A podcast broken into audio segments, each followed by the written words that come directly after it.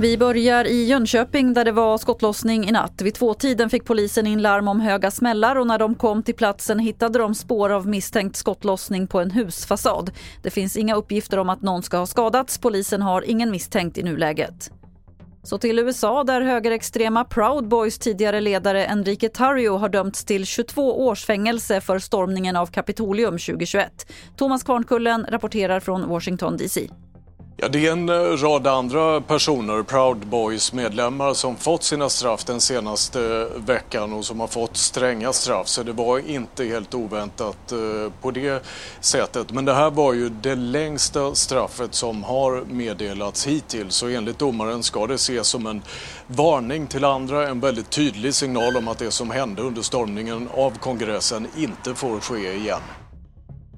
Och till sist kan vi berätta att regeringen och SD vill sänka skatten på snus nästa år med 20 procent. Det skulle göra en dosa runt 3 kronor billigare. Samtidigt höjs skatten på cigaretter och röktobak. Anledningen till förslaget är enligt SD att fler snusar än röker och de hälsovådliga effekterna av rökning är mer påtagliga än de av snus. Fler nyheter finns på tv4.se. Jag heter Lotta Wall.